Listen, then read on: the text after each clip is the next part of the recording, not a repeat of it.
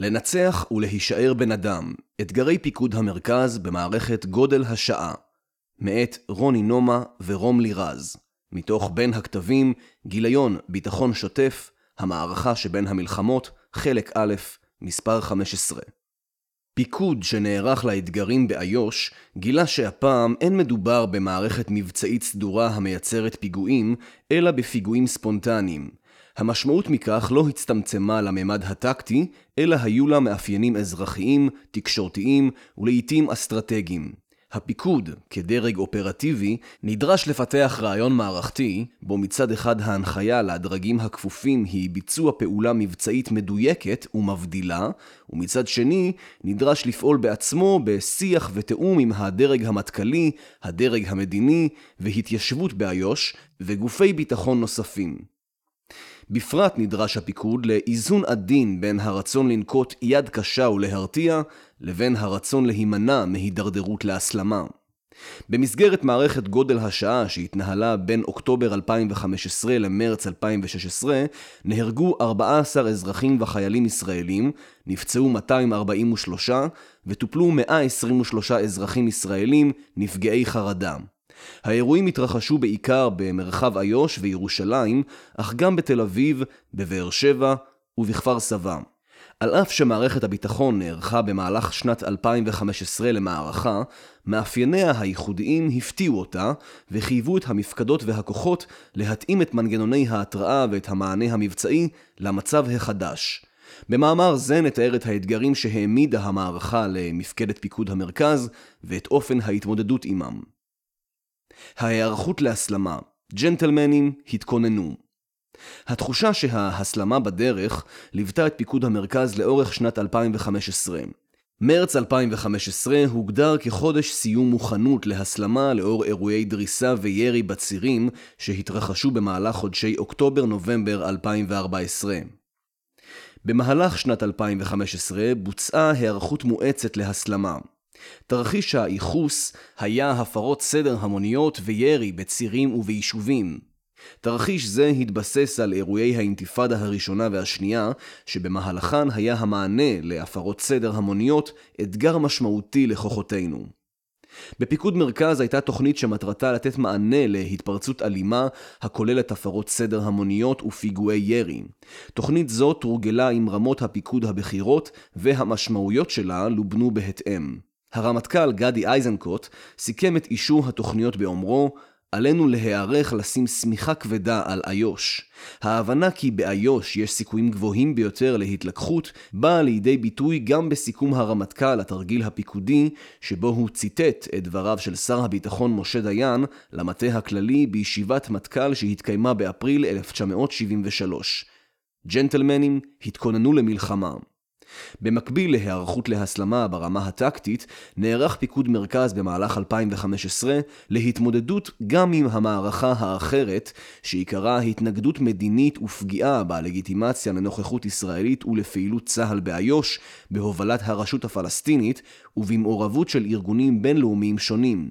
המרכיבים המרכזיים במערכה הם קמפיין תנועת BDS, הכולל חרם כלכלי, אקדמי ותרבותי, ופנייה למוסדות האו"ם לחקור את פשעי המלחמה של ישראל ושל כוחות הביטחון הפועלים באיו"ש. במסגרת המערכה האחרת, הונף לראשונה ב-30 בספטמבר 2015 הדגל הפלסטיני במטה האו"ם, ויושב ראש הרשות הפלסטינית נאם נאום חגיגי. בשבועות לפני הנאום הבטיח יושב ראש הרשות כי יטיל פצצה במהלך נאומו. בארצות הברית ובישראל עלה חשש כי הוא יכריז על פירוק הרשות הפלסטינית, ובכך יעביר את האחריות האזרחית המלאה באופן מיידי ליותר משני מיליון פלסטינים בשטחים לידי ישראל, או שהיושב ראש יכריז על פלסטין כמדינה תחת כיבוש, ויבקש את מעורבות העולם לשחרורה מעול ישראל. לבסוף, בעיקר האשים אבו מאזן את ישראל בהפרות הסכם אוסלו.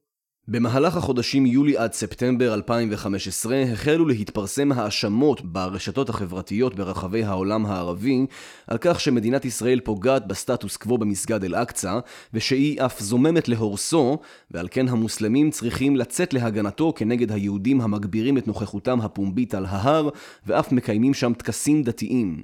הגנה זו באה לידי ביטוי בעלייה לרגל מוגברת להר הבית, התעמתות עם המשטרה על ידי אנשי המורביטון, מגני הר הבית המוסלמים והתפרצות אירועים אלימים ברחבי מזרח ירושלים שכללו זריקת אבנים ובקבוקי תבערה ושהביאו למות ישראלי, אלכסנדר לבלוביץ' זיכרונו לברכה, ערב ראש השנה. 1 באוקטובר 2015 נפתח בפיגוע ירי קשה מרכב חולף על רכב ישראלי בשומרון, שתוצאותיו היו מותם של נעמה ואיתם הנקין, זיכרונם לברכה, הורי ארבעה ילדים, אשר שהו עמם ברכב במהלך הפיגוע. אירוע זה היה הפתח של גל אירועים אלימים. שבועיים מאוחר יותר כבר דווח על רצח של שבעה אזרחים ופציעתם של 92 במהלך פיגועי דריסה, דקירה וירי באיו"ש ובירושלים, על העלאת רמת הכוננות בבתי החולים וביטול חופשות של רופאים ואחיות. מספר כה רב של אירועים ביטחוניים חייב מענה מותאם. הוכרז מצב של בט"ש מוגבר, והמטכ"ל הורה לתגבר את אוגדת איו"ש במספר משמעותי של יחידות לוחמות, כפי שנידון קודם לכן במסגרת אישורי התוכניות להסלמה באיו"ש. שאלה מרכזית שהעסיקה את הפיקוד במהלך חודש אוקטובר הייתה מהם מאפייני ההסלמה הנוכחית, האם הם דומים למצב שאליו הפיקוד נערך לאורך השנה, אשר ההגיונות והמשמעויות שלו הוסדרו במסגרת התוכנית הפיקודית? התברר כי הפער בין התוכנית למציאות היה גדול, מאחר ששני האתגרים המרכזיים שאליה כוונה התוכנית ושאליהם נערך הפיקוד, הפרות סדר המוניות ופעולות פח"ע של חוליות מאורגנות, ירי, חטיפה, שילוח מתאבדים, לא אפיינו את המצב שנוצר. במקום זאת אפיינו אותו פיגועים של מפגעים יחידים ללא השתייכות ארגונית לארגון טרור או רקע קודם באירועים, אשר השתמשו באמצעים פשוטים וזמינים, סכין, רכב, על מנת לפגוע בחיילים ובאזרחים, במיוחד באזור יהודה ושומרון וירושלים. מצב זה הוגדר כטרור בהשראה, בניגוד לטרור בהכוונה, מתוך ההבנה כי אין מערכת מבצעית פלסטינית סדורה המייצרת את הפיגועים, אלא מדובר באנשים שהושפעו ממסרים שהועברו להם מהרשתות החברתיות שאליהן הם שייכים, רשתות פיזיות ובאינטרנט, והחליטו באופן ספונטני לבצע פיגוע כנגד ישראלים עם האמצעים הזמינים שעמדו לרשותם. אתגרי מערכת גודל השעה לאחר תיאור המתרחש לקראת אירועי גודל השעה, נתמקד באתגריה המרכזיים ובמיוחד באתגרים הייחודיים לפיקוד המרכז כדרג מערכתי. התארגנות המערכת הישראלית לזירה הפלסטינית ואתגר האחריות המרחיבה. מהומות הר הבית שהחלו במהלך חודש ספטמבר 2015 השפיעו על כל מרכיבי המערכת הפלסטינית, עזה, איו"ש וערביי ישראל, תוך מעורבות משמעותית של ירדן וסעודיה. עם זאת, הייתה חוסר הלימה משמעותית בין מאפייני המערכת הפלסטינית לבין ההתארגנות הישראלית להתמודדות עימה. במערכת הפלסטינית עסקו שני מפקדי פיקודים מרחביים, כארבעה מפקדי מחוזות משטרתיים, שני ראשי אגפי שב"כ ושני ראשי מערכות מנהל אזרחי, שעליהם אחראים באופן נבדל שר הביטחון, שר הפנים וראש הממשלה. המשמעות היא שבאופן נדיר בחנו באופן מערכתי את כלל חלקי המערכת הפלסטינית. מבחינת פיקוד המרכז, המשמעות המעשית של הבנה זו במהלך מערכת גודל השעה הייתה הידוק המעורבות הפעילה של הפיקוד עם מחוז ירושלים של משטרת ישראל וחיבור שאר הגופים והדרגים לנעשה בירושלים באמצעות ביקורים יהודיים, למידה משותפת וכדומה. כמו כן התקיימו דיונים ישירים בין הפיקוד לבין גופים שונים העוסקים במערכת הפלסטינית על מנת לשפר את הבנת המערכת והפעולה המשותפת כלפיה. ייתכן כי אם האחריות המרחיבה של פיקוד המרכז ביחס לנעשה בירושלים הייתה ממומשת טוב יותר עם פרוץ האירועים בהר הבית, באמצעות תגבור כוחות ומוכנות גבוהה עוד יותר להסלמה, ניתן היה להנמיך את עוצמת ההתפרצות בשלב מוקדם יותר.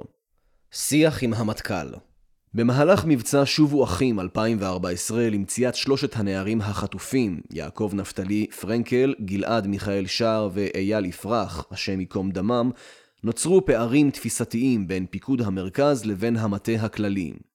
אמנם הבדלים תפיסתיים בין המטכ"ל לפיקודים המרחביים אינם חדשים, כפי שבאו לידי ביטוי גם במלחמות עבר כגון מלחמת לבנון השנייה, אך יש לכך מחיר משמעותי באפקטיביות הפעלת הכוח, לדוגמה כפי שעלה בדוח וינוגרד. לאור ההבנה ההדדית כי אי אפשר לבנות את בסיס הידע המשותף כאשר המים רותחים, התקיימו מספר מפגשים בין הפיקוד למטכ"ל לאורך שנת 2015, שעסקו במוכנות למצבי הסלמה אפשריים והמענה אליהם. מפגשים אלו התקיימו סביב משחקי מלחמה מסוגים שונים, אישור תוכניות אופרטיביות ותרגילים. שיח זה אפשר הגעה מהירה של סד"כ לפיקוד עם תחילת המערכה ותגבור הפיקוד באמצעים שונים במהלכה. השיח בין הפיקוד המרחבי לבין המטכ"ל הוא מורכב בשל נקודות המבט השונות, הצרכים ומטעני הידע המאפיינים כל דרג. הרגישות והמעורבות של הדרג המדיני בנעשה בפיקוד המרכז, בשל ההד הפנימי והבינלאומי של כל החלטה, מאתגרת את מעורבות המטה הכללי בנעשה. עם זאת, מערכת גודל השעה המחישה את חשיבות השיח בין הדרגים. כדברי חז"ל, אין סכין מתחדדת, אלא בירא חברתה, כך אין תלמיד חכם משתבח, אלא בחברו. השפעה על אסטרטגיית ההתנגדות הפלסטינית במערכת הפלסטינית קיימות שתי אסטרטגיות המתחרות על האופן שבו יש לקדם את האינטרסים הפלסטינים ואת ההתנגדות לישראל. האסטרטגיה שמוביל ארגון חמאס דוגלת בהתנגדות חמושה בשטח, והאסטרטגיה שמוביל ארגון פת"ח דוגלת בהתנגדות מדינית, יצירת לחץ על ישראל בזירה הבינלאומית וצמצום הלגיטימציה שלה להחזקת שטחי יהודה ושומרון כשטח כבוש. השילוב בין ההצלחה של המפגעים הבודדים בתחילת מערכת גודל השעה לבין תחושת חוסר תוחלת של הפעולה הפלסטינית בזירה הבינלאומית וחוסר הקיום של תהליך מדיני העצימו את התפיסה הפלסטינית שהאסטרטגיה הנכונה לעת הזאת היא של ההתנגדות האלימה שאותה מקדם חמאס. לתפיסה זו יש משמעות הן לאהדה שזוכה לארגון החמאס ולתמיכה בו, והן ליציבות השלטון של הרשות הפלסטינית המבוסס על ארגון הפת"ח וללגיטימציה הניתנת לו. על כן פעל הפיקוד באופן אינטנסיבי נגד ארגון החמאס במסגרת מערכת גודל השעה. ברובד האסטרטגי נועדה פעולה זו לצמצם את כוחו ולמנוע את יכולתו לממש את האהדה הציבורית באמצעות ביצוע הפיכה כנגד הפת"ח באיו"ש, כפי שביצע בעזה בשנת 2007. ברובד האופרטיבי-טקטי נועדה פעולה זו לצמצם את ההיתכנות להתנגדות אלימה מאורגנת, חוליות ירי, חטיפה, אשר פוטנציאל הנזק שלה הוא רב יותר באופן משמעותי מזה של המפגע הבודד. התפיסה הפיקודית לא כללה רק עשייה ביטחונית כנגד חמאס, אלא גם את המרכיב האזרחי-כלכלי, לדוגמה מתן אפשרות לתושבים פלסטינים רבים יותר לצאת לעבודה, ואת המרכיב המדיני, שימור אופק ההסדר, מתוך הבנה כי רק סינכרון ותיאום בין מהלכים ביטחוניים, מהלכים אזרחיים-כלכליים ומהלכים ברובד המדיני, יאפשרו להתמודד בצורה אפקטיבית עם אסטרטגיית ההתנגדות האלימה של חמאס. התמודדות עם הפתעה על אף שמפגעים בודדים ביצעו פיגועי דקירה ודריסה כבר במהלך 2014, לא נתפס אתגר זה בפיקוד כבעל פוטנציאל איום מערכתי. זאת בניגוד לאיומים הקלאסיים של חוליות טרור חמושות ומחבלים מתאבדים הטעונים חומרי נפץ ממאפייני האינתיפאדה השנייה, או הפרות סדר המוניות ממאפייני האינתיפאדה הראשונה. בדומה לאתגרים מבצעיים אחרים, טילי קסאם והמנהרות, גם במקרה זה לא שוערה ההשפעה המבצעית והתודעתית של כמות גדולה של אירועים טקטיים, והם נתפסו כאירוע בדיד הצריך להעסיק בעיקר את הדרגים הטקטיים. לאחר פרוץ מערכת גודל השעה הופתע הפיקוד לגלות כי המערכת המודיעינית האיכותית שפותחה לאורך השנים בפיקוד אינה מותאמת לצרכים החדשים. מנגנון כיסוח הדשא שפותח בימי האינתיפאדה השנייה והפגיעה השיטתית בתשתיות הפח"א באמצעות מידע מודיעיני ומעצרים ליליים תרמו אך במעט לאיתור של מפגעי השראה מבעוד מועד. מאמץ ההגנה על האוכלוסייה שהתבסס על מידע מודיעיני מוקדם מגופי הביטחון, נאלץ לעצור את ההתקפה על קו השער, כדברי אחד המפקדים. מצב זה הפך את המוכנות ואת הכשירות של הדרג הטקטי לגורם המרכזי המכריע את תוצאת המפגש עם המפגע, עד כדי חזרת המושג הרבת האסטרטגי. מנגנוני התמודדות ברמה הפיקודית, ההתמודדות עם ההפתעה המצבית לוותה במספר מנגנוני התמודדות. להלן נמנה את המרכזיים בהם. גיבוש רעיון מערכתי מותאם למציאות החדשה. לאור ההבנה כי הרעיון המערכתי של הפיקוד אינו רלוונטי למציאות המתהווה, גובש בפיקוד רעיון מערכתי חדש. רעיון זה גילם את ההבנה הפיקודית ביחס לאופי המענה המותאם לאתגרים הייחודיים של מערכת גודל השעה. גיבוש רעיון מערכתי מותאם מסייע למעבר מנטלי של מפקדות למציאות חדשה באמצעות יצירת ציפיות ברורות להתנהגות הרצויה במצב ושפה משותפת בין המפקדים. כמו כן זוהי פעולת מנהיגות המייצרת תחושת ביטחון בקרב הכוחות, מאחר שהם מקבלים הכוונה לפעילותם ממפקדם במסגרת המצב החדש. sense making. גיבוש מודל מארגן להתפתחות המערכה. כיצד ממשיגים את התפתחות המערכה? לאן אנחנו רוצים להגיע ואיך נדע שהגענו לשם? מצב הפתעה מקשה על בניית סכמת החשיבה ביחס למצב הנוצר, אך בניית מפת דרכים היא מנגנון חשוב המסייע להתארגנות של המפקדות והכוחות במערכה. הפיקוד גיבש תרשים זרימה של המערכה, המאפשר למתבונן בו להבין את השלב שבו הוא נמצא, את ההתפתחויות האפשריות של המערכה ואת המצב הרצוי. המודל אפשר להסתכל על שלבי ההתפתחות של המערכה המתהווה ולהגדיר את סיומה בהתאם לפרמטרים שנקבעו לכך מראש. מניעת פוטנציאל שלילי אפשרי של השתנות ההתנגדות מהתנגדות בודדים להתנגדות ציבורית. לאורך המערכה פעל הפיקוד באופן מבדיל ומדויק כדי למנוע את התפשטות להבת הפעילות של המפגעים הבודדים ברחבי איו"ש לכדי מדורת ענק הכוללת קבוצות נרחבות באוכלוסייה. תפיסה זו נמצאת פעמים רבות במתח עם כלי הפעולה הגסים יותר שאותם מורגלת המערכת הביטחונית להפעיל, כגון סגר על איו"ש, כתר אוטומטי על כפרים, מחסומים מרובים בדרכים, מניעה גורפת של יציאת פועלים לעבודה וכדומה. לכל אחת מפעולות אלה יש פוטנציאל משמעותי לשיבוש החיים של קבוצה גדולה של אנשים, אשר התסכול שלהם יכול להפוך אותם למתנגדים באופן משותף ואלים כנגד ישראל. לאור זאת עסק הרעיון המערכתי הפיקודי בצורך לבצע פעולה מבצעית מדויקת ומבדילה בהקשרים השונים. לדוגמה, במאמץ הפעלת הכוח הטקטי, חוזקה יכולת ההתמודדות של הלוחם לנטרל את פעילות המפגע ללא הריגתו, בהנחה שהמצב מאפשר זאת, על מנת לצמצם את כמות הלוויות ההופכות למפגן הזדהות ציבורי, וכדי למנוע האדרה של המפגע כשהיד שמסר נפשו למען המולדת. בעיקר כשפעמים רבות מדובר באדם עם קשיים אישיים או משפחתיים, אשר הפיגוע היה דרך ההתמודדות עמם. מאמץ נוסף עסק בדיכוי מוקדי הסתה תקשורתיים ובהנגשת מידע אמין אודות פעילות צה"ל. גם התיאום הביטחוני עם הרשות הפלסטינית היה מרכיב משמעותי בהתמודדות, הן באמצעות מניעת פגיעה בכוחותינו כאשר הן פועלים בשטחי A, והן באמצעות פעולות אקטיביות שבהן נקטה הרשות, על מנת לצמצם את כמות המפגעים כחלק ממאבקה כנגד תנועת החמאס. למידה מערכתית וניסוי וטעייה למידה באמצעות ניסוי וטעייה מאפשרת התמודדות עם המצב החדש והלא מוכר. מחד גיסא, חלק מן הפעולות שבוצעו במסגרת ניסיונות ההתמודדות, בעיקר בתחילת המערכה, היו בעלות אפקטיביות מוגבלת. מאידך גיסא, הלמידה מתוך העשייה אפשרה שיפור מתמשך והדרגתי של אפקטיביות הפעולות.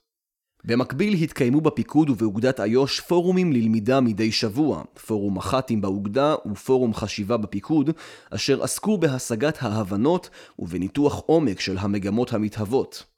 החיכוך וההתנסות המתמשכים יחד עם המשגתם הרציפה אפשרו לפיקוד לנצח בתחרות הלמידה בינו לבין המפגע הבודד. הפיקוד ויחידותיו המשיכו להשתפר במתן המענה המבצעי לאורך זמן, בעוד קצב השיפור וההשתנות של המפגעים היה נמוך יותר. חיזוק הביטחון ותחושת הביטחון של ההתיישבות ההפתעה במאפייני הפיגועים שחווה הפיקוד הייתה משותפת גם להתיישבות. פיגועי הירי, הדריסה והדקירות שיבשו את שגרת היום ואת תחושת הביטחון של אנשים רבים. קבוצה רגישה במיוחד בקרב אנשי ההתיישבות היו משפרי הדיור, אנשים אשר הגיעו לאיו"ש בחיפוש אחר מקום זול, קרוב יחסית למרכז עירוני מאפיינים קהילתיים, אשר לא חוו את סבבי האלימות של האינתיפאדה הראשונה והשנייה. כציבור החש מאוים, נשמעו קולות רבים מקרב ההתיישבות לנקיטת יד קשה כלפי הפלסטינאים, הן כהרתעה והן כענישה. מיד לאחר רצח הזוג הנקין, אף התרחשה התפרצות אלימה של מספר אלפי מפרי סדר יהודים, שהפתיע את הפיקוד, שאינו ערוך להתמודדות מסוג זה באופן מיטבי, בעיקר בהיבט המנטלי. על כן, הייתה חשיבות רבה לקשר של המפקדים ברמות השונות עם אנשי ההתיישבות. המענה הביטחוני המותאם לצורך, העדכון השוטף ביחס לנעשה והתחושה כי יש קשב ומענה לרגשותיהם, סייעו בשימור החוסן של ההתיישבות לאורך המערכה. לנצח ולהישאר בן אדם.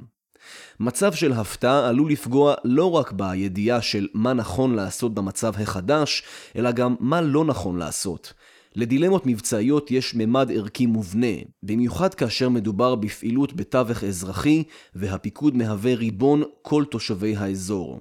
הרצון העז למנוע את הפיגוע הבא יחד עם הלחצים הציבוריים שליוו את המערכה העצימו את האתגר של ביצוע המשימה לאור ערכי רוח צה"ל עבור הפיקוד הבכיר וגם עבור הדרג הטקטי. הכשירות המנטלית-ערכית והיכולת לווסת את הרגשות הסוערים במצב לחץ על מנת לאפשר פגיעה מדויקת ומבדילה הן חיוניות לתפקוד המבצעי. כמענה לאתגרי הדרג הטקטי באיו"ש גובש מסמך תפיסתי שנכתב על ידי מח"ט אפרים יחד עם היועצת הארגונית וקצינת החינוך האוגדתית. המסמך יצר מנגנון אוגדתי רצוף העוסק בחיזוק הלוחם והמסגרת.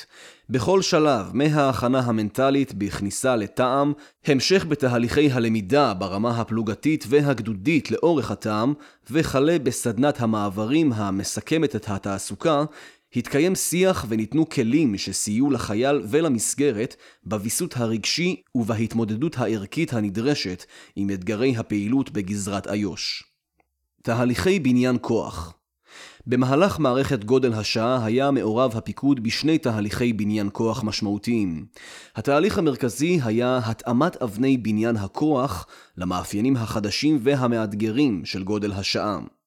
מאחר שמודל ההתראה המודיעינית הקלאסי המבוסס על זיהוי התארגנויות של קבוצת אנשים לביצוע פיגוע, מאחר ונדרשת היערכות להשגת אמל"ח, מודיעין וכדומה, לא נתן מענה להתמודדות עם המפגע הבודד, נכתבו אלגוריתמים ובוצעו התאמות של תהליכי האיסוף ברשתות החברתיות ביחידה הצה"לית האמונה על כך. אלה סייעו להתריע על קיום של מפגע בודד המודיע בדף הפייסבוק שלו כי הוא בדרך לביצוע פיגוע. בתחום האימון לקראת התעסוקה, על"ת, המתקיים בבאפ לכיש, הוכנס סימולטור המדמה התמודדות עם רכב הפורץ לצומת והמתקדם לעבר החייל. במהלך נסיעת הרכב על החייל להחליט האם מדובר בתאונת דרכים ועליו לסור מהדרך או באירוע דריסה, ולכן עליו לירות בנהג.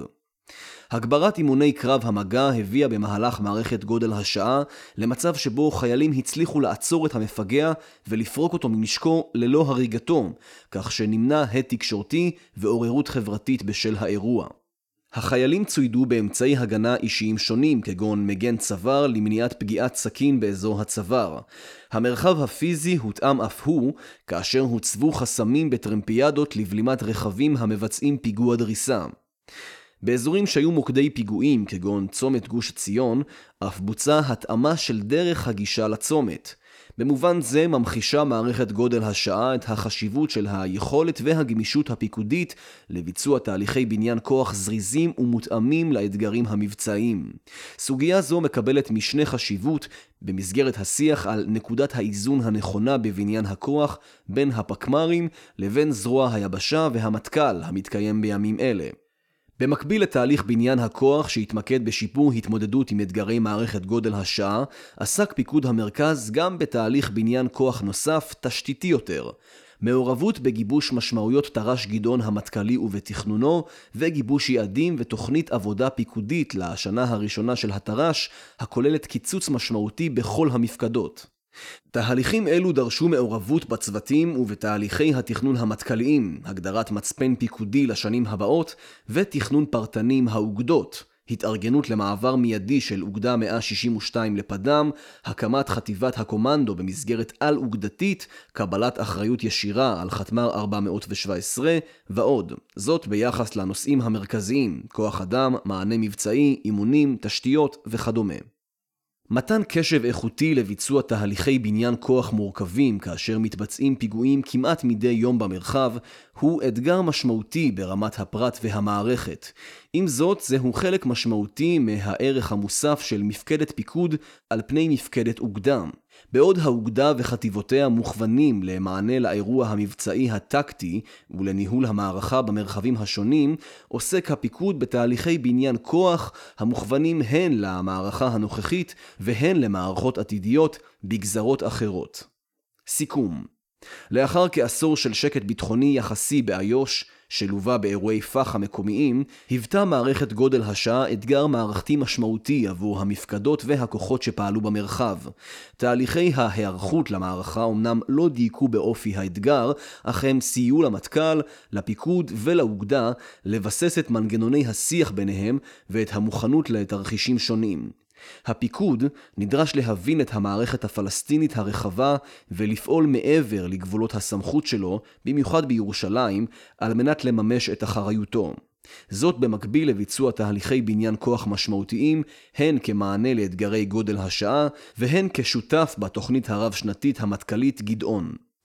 אופן ההתמודדות של המפקדות בגודל השעה עם ההפתעה המצבית רלוונטי לממלאי תפקידים בפיקוד וגם במפקדות אחרות אשר התמודדו עם הפתעות במערכה הבאה כדרכה של המציאות המבצעית. גיבוש רעיון מערכתי מותאם, ביצוע למידה מערכתית וניסוי וטעייה, שמירה על ערכי רוח צה"ל ומתן מענה לאוכלוסייה האזרחית הם עקרונות חשובים שסייעו למפקדות בפיקוד להתאושש באופן מהיר ורלוונטי מול המאפיינים החדשים של האיום ויכולים לסייע גם למפקדות אחרות במערכת המבצעית של צה"ל. במובן זה מערכת גודל השעה מהווה מורשת קרב המכילה הזדמנות ללמידה ברמה הטקטית וברמה האופרטיבית והכוללת עשייה מבצעית והתמודדות ערכית היכולה לסייע להתמודדות האפקטיבית של פיקוד המרכז ושל צה"ל בעימותים הבאים.